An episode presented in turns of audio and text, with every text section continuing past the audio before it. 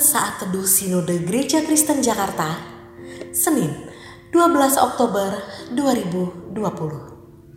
Judul Renungan, Respons dan Langkah Iman. Terambil dari Nats Kejadian 12 ayat 4 dan 5. Lalu pergilah Abram seperti yang difirmankan Tuhan kepadanya, dan Lot pun ikut bersama-sama dengan dia. Abram berumur 75 tahun ketika ia berangkat dari Haran.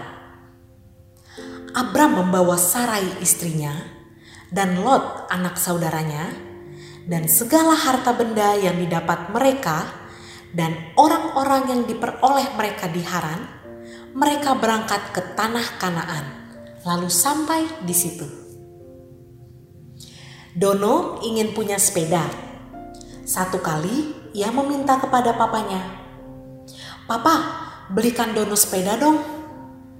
Papanya menjawab, "Dono, kalau kamu bisa ranking satu di sekolah, Papa belikan kamu sepeda Brompton."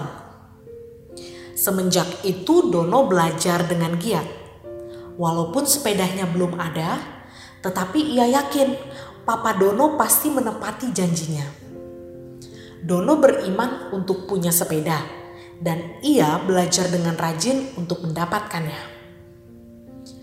Abraham juga beriman kepada Allah, dan iman itu ditunjukkan melalui responsnya. Sikap dan tindakan Abraham melampaui logika manusia pada umumnya. Sebab Allah memberi perintah untuk pergi, maka Abraham pun pergi. Abraham meresponi panggilan Allah untuk menerima berkat dengan langkah iman, Abraham meninggalkan kampung halaman dan kaum kerabatnya ke tempat yang ditunjukkan Allah. Abraham tidak ragu atau minta jaminan dari Allah.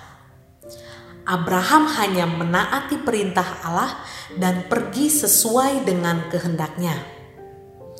Inilah respons iman dari Abraham untuk menerima apa yang dijanjikan Allah baginya dan keturunannya.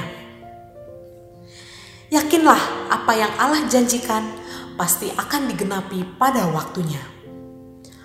Apa yang perlu kita lakukan sembari menunggu waktunya? Kita harus berserah dan percaya serta melangkah dengan iman sesuai kehendaknya. Iman adalah jaminan yang meyakinkan bahwa sesuatu yang kita inginkan terjadi. Jangan menyerah dan putus asa menghadapi kehidupan ini di setiap langkah iman kita ada Tuhan yang menyertai. Percayalah kepadanya dan hiduplah sesuai kehendaknya. Kita beriman kepada pribadi yang dapat dipercaya, yaitu Tuhan Yesus. Tuhan Yesus memberkati.